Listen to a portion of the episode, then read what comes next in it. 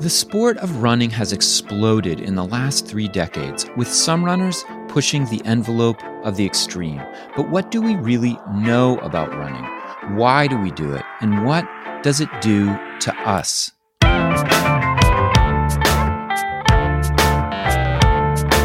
It's time to eat the dogs. I'm Michael Robinson. Today, I talk with Dr. Beth Taylor about the science and psychology of running. Taylor is an associate professor of kinesiology at the University of Connecticut. She also serves as the director of exercise physiology research at Hartford Hospital. Beth Taylor, thank you for talking to me today. Oh, it's a pleasure to be here, virtually, that is. Tim Noakes, who I'm sure you know, a scientist of exercise physiology, uh, wrote this book, The Lore of Running.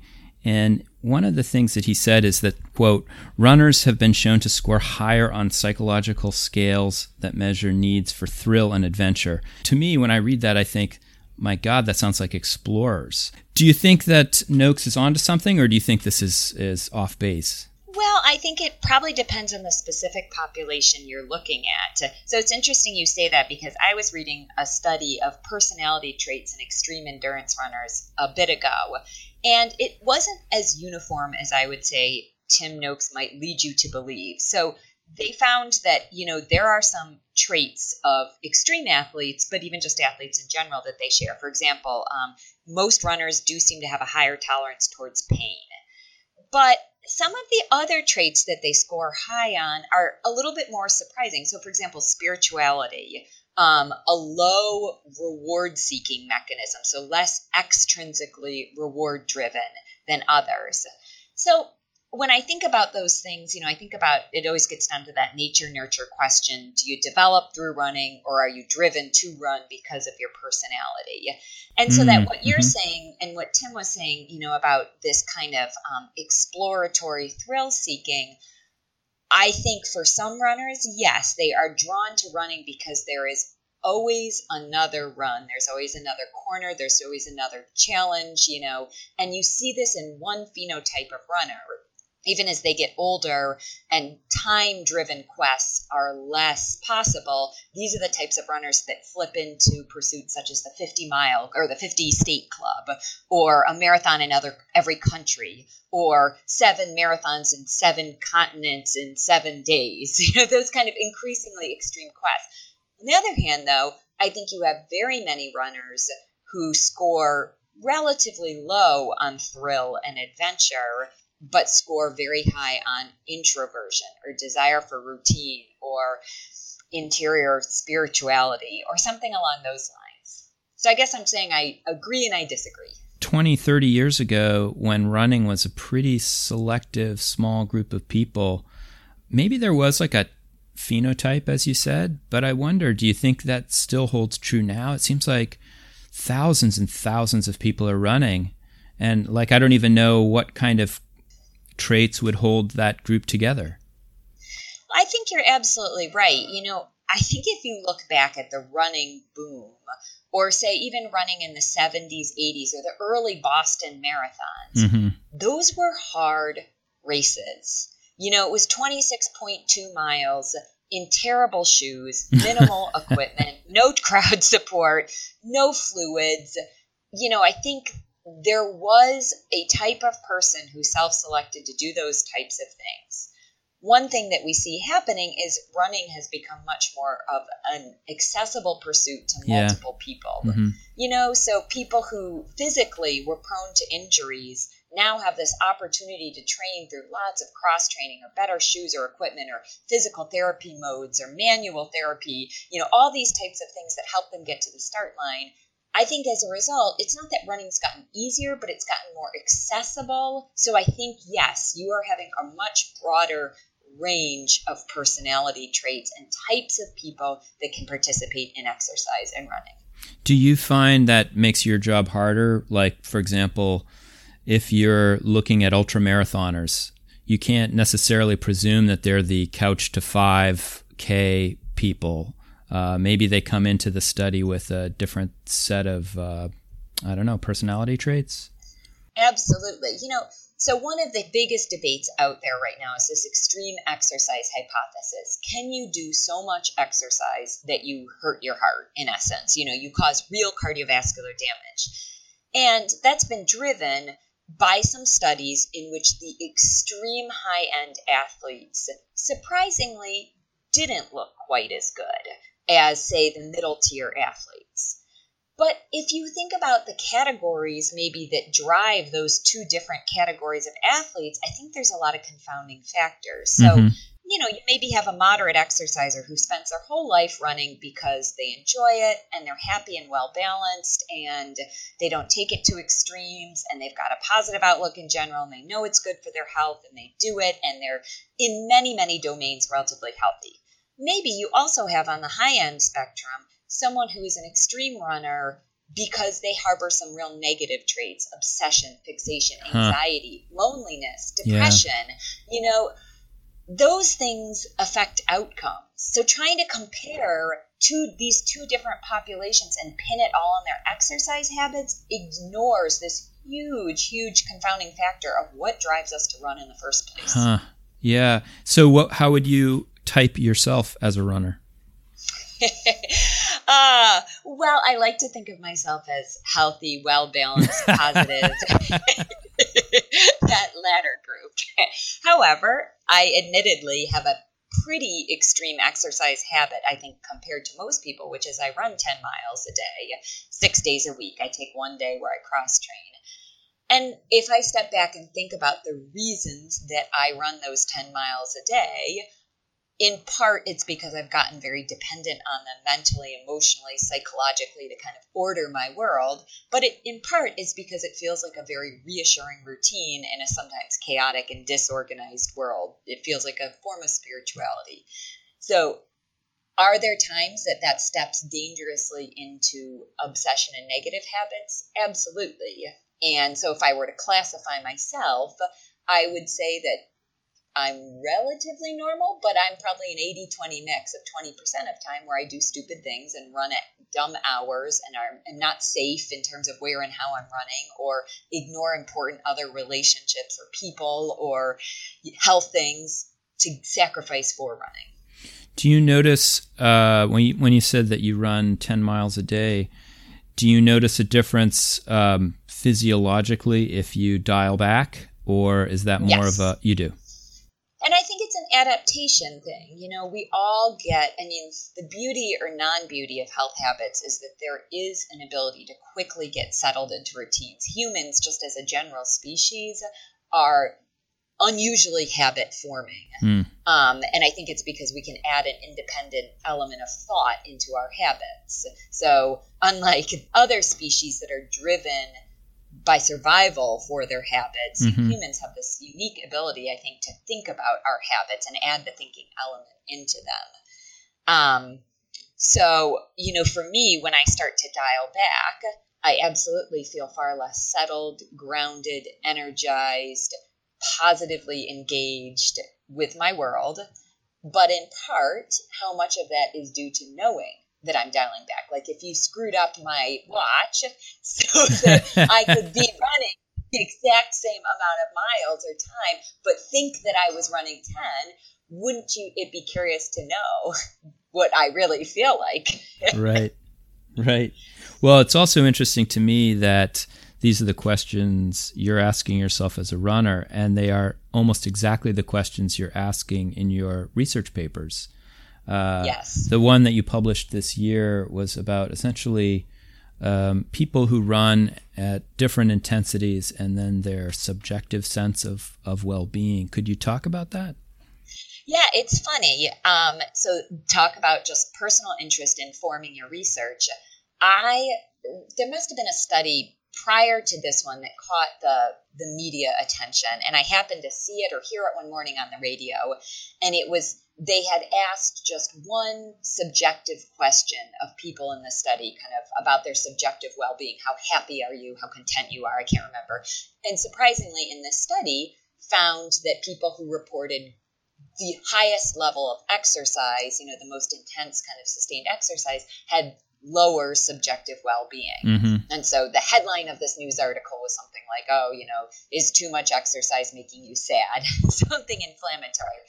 So I immediately tuned into that and I was thinking to myself, we'd completed a fairly big study of 440 people and we had rigorous assessments of physical activity. So we had accelerometers where we actually put these hip based devices on people and follow their activity patterns. And you can calculate based on their velocity of movement how often people are sitting, sleeping, doing light activities, doing moderate activities, doing vigorous activities. Mm-hmm. So we had these really good data on that. And then in that same study, we had asked people a very commonly fairly robust questionnaire on it's called subjective well-being. You know it gives called the sf36 and it gives you quite a number of questions of people's well-being. So i was driving to work that day and i thought to myself well i can do better than that study because i don't believe it because no one i know that exercises a lot and intensely harbors bad feelings. It's Uh-huh. not a universal trait. So sure enough when we went back and we did the analyses we didn't find that our data supported that study at all. We found that there was no worse, uh, you know, there was no bad subjective well being in the high end exercisers. And the other kind of positive thing we found is that even in the very, very low end exercisers, people who just do light exercise, they had pretty good mood benefits over people that do nothing. I would imagine that a, a study like this would be tricky to develop for the for the things that we were just talking about, which is, well, if you want to talk to your intense exercisers out there, there may be confounding factors compared to the medium range and the and the moderate to light range exercisers. So is that a, is that difficult to kind of factor out? Absolutely. And, you know, it was funny because we got a huge amount of media attention from this, this publication, and it was all over the place. The take home message that the press got out of it was something about any exercise is better than none, or for your greatest well being, just take a light walk. You know, people really honed in on that light exercise message, uh, that kind of thing that every American wants. Tell me the bare minimum. but, you know, we kept saying over and over again, this is just a cross sectional study. And in order to really know the effects of exercise on mood and well being, you'd have to take people who were matched for personality traits at the beginning, right? Right, So they yeah. all scored similarly on the SF36 at the beginning. Then you'd have to expose them for a pretty long duration exercise study. You know, not just three months, they'd have to be exercising for a couple of years at varying doses and intensities. And then you'd have to measure them again at the end. And even in that, I want, you know, so much. What I find so fascinating about running is that it's a fluid process. Like anybody who's a runner, and you would probably agree me, with me, there are times that running changes you and times that you change running. Yeah. So even within that perfectly controlled pre and post study, certain people are going to be changed by their experiences running Yeah. right? They will, it's not possible to keep running or exercise as just a black and white intervention. I guess my experience has been that it kind of depends on my needs uh, in the moment. Um, there have been times in my life when I've been very stressed and my my mileage starts to go up, and uh, other times when I'm feeling pretty okay, and then I start to dial back. Uh, and then and the feeling I get from running changes also during that period of time. And I'm always amazed. I meet people who are lifetime exercisers who actually seem to hate it. yeah. You know, they do it, it's a drudgery to them. They've done it for years and years. They go out for their four mile run in the morning and they do it because they're principled, disciplined people. Their doctor told them they need to do it. They have a family history of heart disease. They, it's just what they do. But they seem to express no enjoyment. yeah. And then I meet other people who love running and it becomes this very dynamic, ever changing thing for them. They meet groups of people, they meet spouses, they take on new challenges, they use it as a base for traveling or a base for philanthropic ventures. They become Yeah. blind guided runners, right? And Hmm. you can't tell me that over the lifespan, those two people have similarly experienced exercise. Yeah. Right? For one person, it's a task and they did it just the same as the other, but for the other person, it's been a very, very different thing. And how how could you capture that? Yeah. So, what do you think we get wrong about the science of running? I think oftentimes we really ignore the individual component of mm-hmm. it. You know, it's a it's a fascinating question of why humans are drawn to running there's no doubt that we are, just mm-hmm. like we're drawn to many sports. But, you know, in particular, running is something that I think human beings as a species are very drawn to. It's a very natural form of exercise. So we've asked this question for hundreds of years why we run, the lore of running, the history of running. Mm-hmm. I think when we try and do studies on exercise and its effects, what we ignore is the individual components behind mm-hmm. why people run and what it creates in them and how they're changed by it and why they're drawn to it and how it morphs with them and what it means to them. I think that that is just such a hard psychological and emotional component to factor in. And that's why I think so many of our studies on exercise are very divergent in terms of results. In fact, uh, we talked a little bit about this, but uh, you know, this whole new phenomenon of the ultra marathoners and people who are running, you know, 50, 60, 100 miles. Um, it makes it very hard, I would imagine, to try to even even group those people with others, or or even to even understand what the health ramifications are of, of that.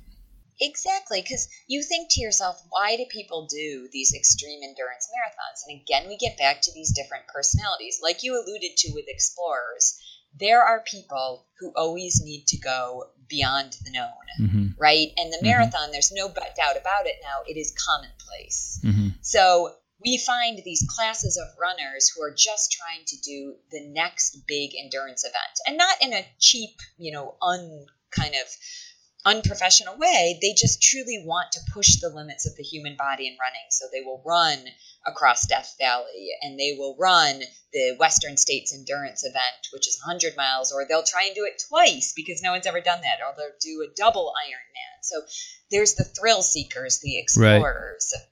But then there are the people who run because they are filling a gap. You know, we find extreme endurance athletes who run to fill a gap, the loss of a loved one, you know, this kind of unforeseen accident. They run because there's nothing else they can do with their mind and their body that helps them process that, you right. know. So that's mm-hmm. a very different type of it. Or there's the people that get into extreme endurance athlete, you know, that type of that type of arena because they love the community of it. You know, it's a really diverse, heterogeneous kind of yeah. quirky small group of people. And they're as social beings, there are some humans who are looking for their people, and they'll find them at the Western States Hundred. So, uh, uh, you know, granting for a moment that this this population of runners, as you said, is really you got to be careful with generalizations. Uh, we got to look at the individuals, but if we if we were to try to carve that group up and look at something like gender differences, do you think there are things we can say meaningfully about that, or uh, and and the reason I guess I asked this question is that you know traditionally women were kind of excluded from running in the '60s, uh, and yet now uh, women participation in running is huge. I don't I don't know what the percentage is, but it's very high. Could you talk a little about that? Well, it's an interest. It's an interesting factor both physiologically and socially. So socially, what we don't have right now is large numbers of older women who've been running their whole life.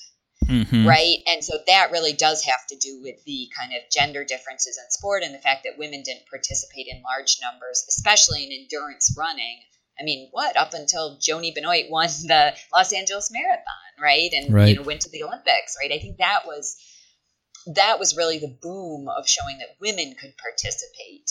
Mm-hmm. So one thing that we really do know is just physiologically right now, our studies of long-term endurance exercise on women are very, very limited.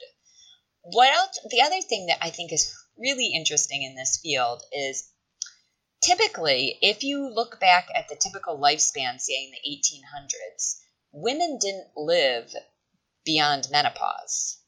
Right? So they had kid, you know, they had their childbearing years, and then women were, you know, the average lifespan was 50 years. And so women didn't live beyond menopause. And that becomes important because prior to menopause, women have a lot of hormones, especially estrogen and progesterone, which are very cardioprotective. So prior to going through menopause, women look great. So even acute stresses, things like depression, heart attacks, or even the acute stress of intense endurance exercise is probably buffered better in the premenopausal woman. Mm-hmm. But now we have women that are living for 40 years past menopause without those cardioprotective hormones and with all the accompanying changes that happen when those hormones go away, you know, because there are some other things that happen with respect to bone density and body mass and body composition. So, a really fascinating question now is for the woman who lives until 90 and is pushing her body in extreme ways at the ages of 60, 70, 80, what does that look like relative to a man? Right. And we just don't know those answers. So, do you have any preliminary findings? You know, all of again, it's it's just a question that isn't asked that much. All of the questions that we tend to see or we tend to think of is that women look really great right up until menopause. And so uh-huh. there's this hypothesis that there's a vulnerable period. You know, how a woman goes into menopause may determine what she looks like in her 70s, 80s, and 90s. Uh-huh. So, just very kind of anecdotally, preliminarily, I think our the thoughts of exercise physiologists would be the woman who goes into her 50s having kind of built up a buffer for herself, having adapted her body to extreme endurance exercise, having trained, may look a little better than the woman who suddenly, at the age of 70, picks up things, you know, on a heart maybe that at this point is a bit more atherosclerotic. But again, uh-huh. it's uh, those are that's really pretty anecdotal. And do you find that the number of women participating in some of these more extreme forms of running, um, ultra marathons, that sort of thing, are they uh, comparable to men or are they pretty high? They're definitely lower than men. You know, in the extreme endurance events at this point in time, especially in older athletes, there are still more men than women.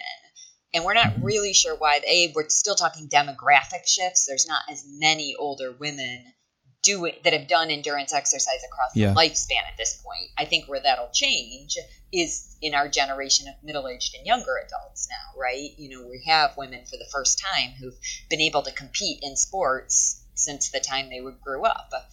Um, so certainly we have far fewer older adult, older women participating in in these extreme endurance exercises. Um, but the reasons why, just you know, it's probably socio- sociological, demographic. So this is a psychological question, but I've I've noticed that there's a lot of attention that's been paid in the last four or five years to people who are cheating on marathons and uh, not only let's say discovery of people cheating but whole groups of runners that are actively researching and investigating people who've cheated on marathons. And i'm just noticing like you don't see this for let's say beach volleyball or uh, you know other other sports. Um, what do you think about that? You know, do you have any feelings about why people would, let's say, fake their times for a, a local marathon where there's no prize money, um, but they're going to cheat anyway?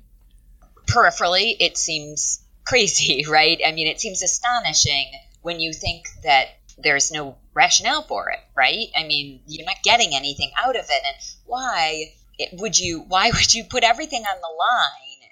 Right. That kind of, for that. There, I mean, it just makes no sense. But again, this gets caught up, I think, tied up in the reasons that people run.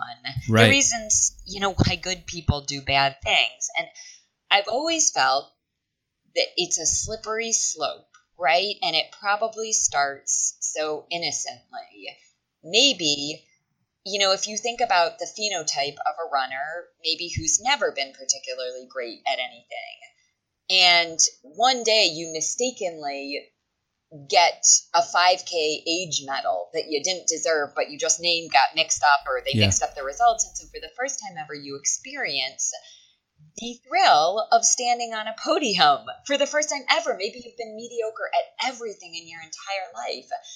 And then after that, you know, it's a slippery slope of wanting that thrill back. Yeah.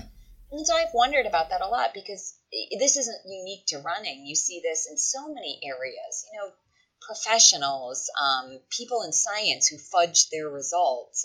And I often wonder how much of that was a conscious choice. I am going to go out and fake my race result versus how much of it was one time. Right. So, you know, yeah. a random thing. Maybe a chip got mixed up and you got the joy of crossing and then seeing in the results that you won your age group or something.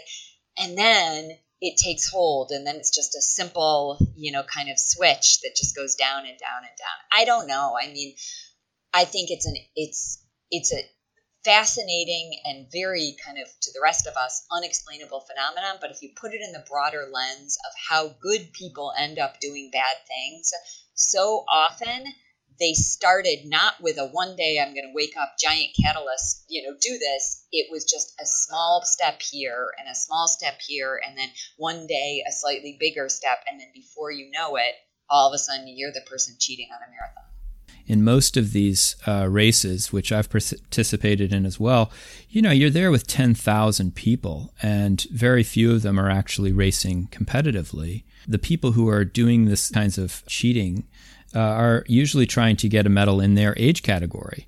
And it's interesting to me, not only is, are the stakes apparently very low, but for the rest of those runners who are actively investigating it, this is a serious thing. That there's a way in which even though we are all running for ourselves, that somehow the time in the end matters. I just find it very interesting from a psychological point of view.